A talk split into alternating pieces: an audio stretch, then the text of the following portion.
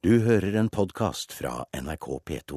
Og i Politisk kvarter setter du søkelys på sprikende meningsmålinger. Per Arne Bjerke. Ja, oppslutningen om Fremskrittspartiet varierer med nesten 10 prosentpoeng. Noen må ta feil. Og Fremskrittspartiet må ha hjelp av et mirakel for å innfri trygdeløftene sine, mener Arbeiderpartiets Anette Trettebergstuen, og får svar i Politisk kvarter.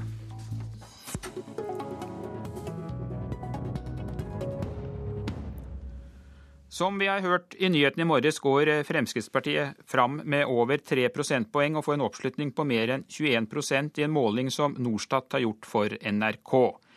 I en annen måling i VG i går går derimot partiet tilbake og fikk en oppslutning på i underkant av 13% Forskjellen mellom de to målingene er altså rundt 9 prosentpoeng, og vi har sett flere lignende eksempler tidligere i vinter.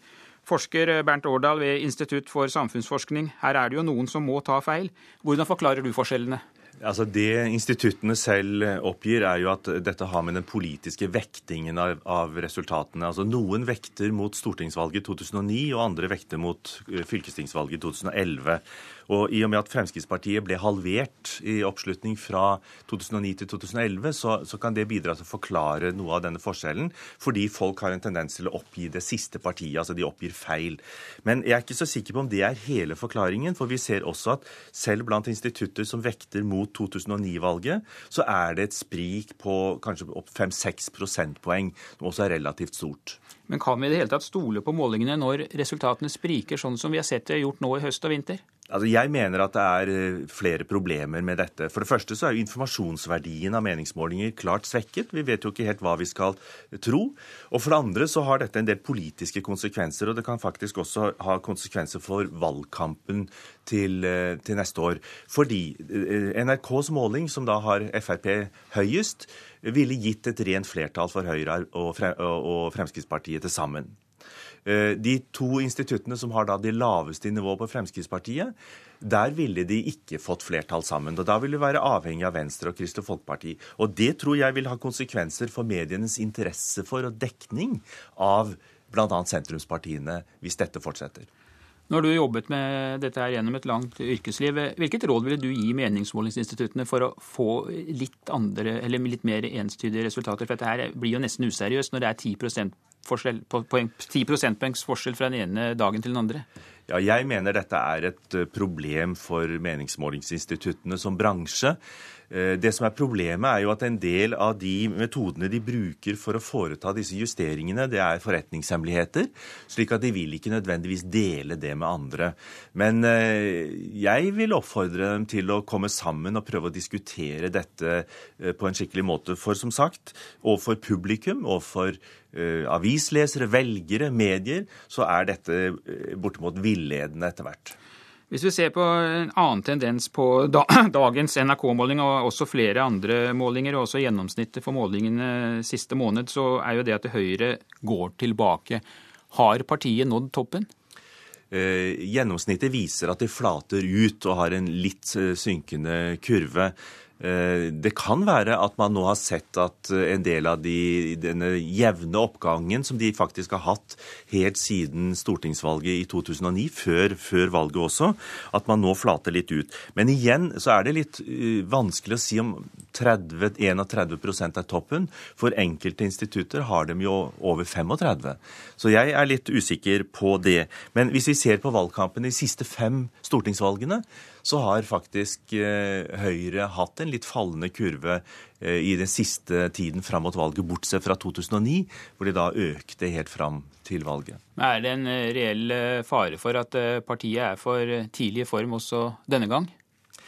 Altså, det er jo ingen eh, hva skal vi si, verken fysiske naturlover som regulerer dette. Men det er klart en viktig faktor tror jeg, bak den voldsomme framgangen til Høyre er nok ikke bare Høyres egen fortjeneste, men kanskje også misnøye med regjeringspartiene. Og jeg tror dette svaret på det spørsmålet ditt vil være avhengig av om parti, også regjeringspartiene, Arbeiderpartiet, kommer noe mer på offensiven når det barker til for alvor i valgkampen. Eh, bakgrunnstallene som jo vi har tilgang til, og som du har studert, de sier jo noe også om stabiliteten. Kan du si noe om hvor stabil er Høyres eh, velgergruppe? Altså, I forhold til de velgerne de hadde i 2009, så er det en veldig høy lojalitet. Målinger viser jo over 90% og det er et veldig godt utgangspunkt. Eh, så de behøver for så vidt ikke så veldig stor tilstrømning fra andre partier for at de skal gjøre det bedre enn ved, ved sist valg. Men da lå de tross alt bare på 17 %-nivået, så de har en del å gå på. Men vi får kanskje konkludere med Årdal at eh, meningsmålinger er meningsmålinger. Her er det ikke noe som er sikkert før i september 2013? Det er den eneste fasiten. Takk skal du ha, forsker Bernt Årdal.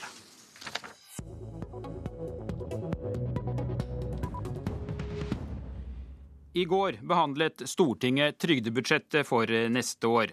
300 000 mennesker mottar uføretrygd, og hvert år kommer 30 000 nye søknader. Fremskrittspartiet vil eh, kutte i trygdeutbetalingene og satse mer på forebyggende tiltak. Anette Trettebergstuen, du er nestleder i Stortingets arbeids- og sosialkomité for Arbeiderpartiet, og mener kuttene til eh, Fremskrittspartiet er urealistiske. Hvorfor mener du det? Ja, først vil jeg bare si at uh, noe av det viktigste regjeringa gjør, er å jobbe for at færre skal måtte oppleve å bli uføre. Det er bra for den enkelte, og det er bra for samfunnet i sin helhet. Og Vi er på god vei. Vi ser at eh, andelen uføre den går faktisk ned. Det er fordi at vår politikk har resultater. Det handler om å forebygge på lang sikt, og det handler om å følge opp bedre i Nav. Eh, når eh, Fremskrittspartiet sier at de ønsker seg at det skal bli enda færre uføre, og dermed eh, kutter 3 milliarder i budsjettet for uføre for å finansiere skattekutt, så er det med respekt å melde sludder og vås, og det er dårlig eh, budsjetteknikk. For eh, man kan ikke bare tenke på et tall og ønske seg at man skal kunne spare 3 milliarder på trygdebudsjettet. Skulle man, skulle man gjort det, så måtte det fra første til første, altså dersom FrPs budsjett ble vedtatt, bli 1000 færre uføre hver måned, altså av de som i dag er uføre, de måtte plutselig bli friske og jobbe. Ellers måtte det blitt 24 000 færre uføre gjennom året, altså færre søkere. Og når vi vet at man anslår at det kommer til å komme rundt 30 000 søknader, så er dette helt urealistisk. Vi tror ikke på helbredelse ved alternativt budsjett. FrPs budsjett er urealistisk. Det er et tryllebudsjett, eh, og det er et bevis på at noen må ta regninga når man skal eh, gi skattekutt i milliardklassen til, til de mest velstående. Det sitter en mann ved siden av deg og rister iherdig på hodet. Leder i arbeids- og sosialkomiteen i Stortinget, Robert Eriksson fra Fremskrittspartiet. Sludder og vås, sier Anette Trettebergstuen. Er det det det er? Nei, absolutt ikke. Eh, la meg aller først få lov til å understreke tydelig. Fremskrittspartiet kutter verken i ytelsene til de som er syke gjennom sykelønn. Vi kutter ikke i uføretrygda til folk, og vi kutter ikke i dagpengegrunnlaget til de som er arbeidsløse. Altså de, de, de, som, de som er syke, de som er, går på sykepenger, eh, de som går på på uføretrygd vil få de samme ytelsene med Fremskrittspartiet. Og det skal folk føle seg 100% trygge på. Men da må det bli Men, som skal få. så mener Fremskrittspartiet, når vi ser at i 2008 så det, kom det 22 000 nye uføretilfeller. I 2012 så har det blitt 30 000. Altså det har gått opp. Nye tilfeller har økt opp gjennom årene.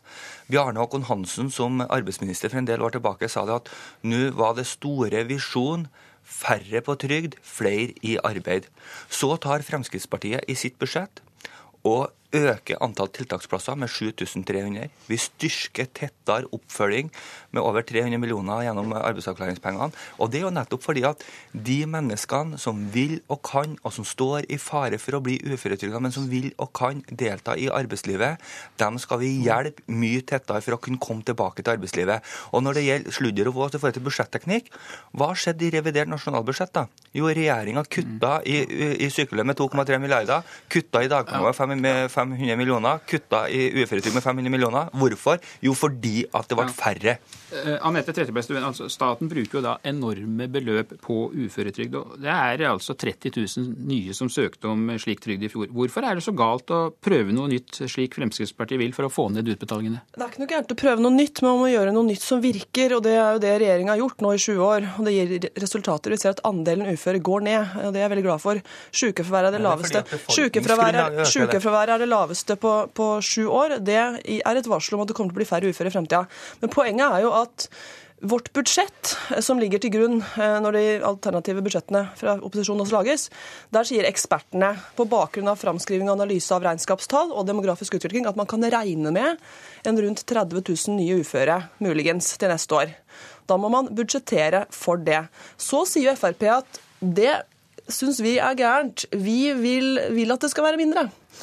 Og derfor vil vi kutte 3 milliarder. Og når Robert Eriksson her sier at man skal få ned da andelen nye uføre ved å legge på noen ekstra tiltaksplasser eller legge på noen millioner for å få ned sykehuskøene, så er det den type urealistiske eh, virkninger som ikke, altså, Det vil ikke få noen virkning. Altså, hvis, du, hvis du legger inn penger på å få ned sykehuskøene, så vil jo ikke det få, bli merkbart på uførebudsjettet til neste år. Robert Eriksson, hva vil dere gjøre hvis behovet for uføretrygd viser seg å være like stort som det er i dag, og så har dere allerede tatt vekk bevilgningene? Det, det er overslagsbevilgningene i statsbudsjettet. Det er akkurat det som skjer hvert eneste år i forhold til at man behandler revidert nasjonalbudsjett. Hvis utviklinga blir flere uføretrygda enn det man forutså, ja, så justerer man budsjettet opp etter det. Blir det færre enn det man forutså, så justerer man ned budsjettet. Det har vi tradisjon for å ha gjort i budsjettene i alle de år. Derfor legger man også fram salderinga. Og når Anette Trettebergstuen og Arbeiderpartiet viser til de såkalte ekspertene i Finansdepartementet, så må jeg få lov til å si det at jo, men våre eksperter, da, vi bruker akkurat de samme ekspertene. Jeg regner med at, at eh, når vi sender våre forslag til, og budsjettforslag til SSB for å få gjennomgått det, så slår SSB fast at Fremskrittspartiets budsjett vil bety økt uh, sysselsetting, færre ledige. Da må det bety at vi bruker mindre penger på, på dagpenger. Nei, det er ikke, det er ikke feil.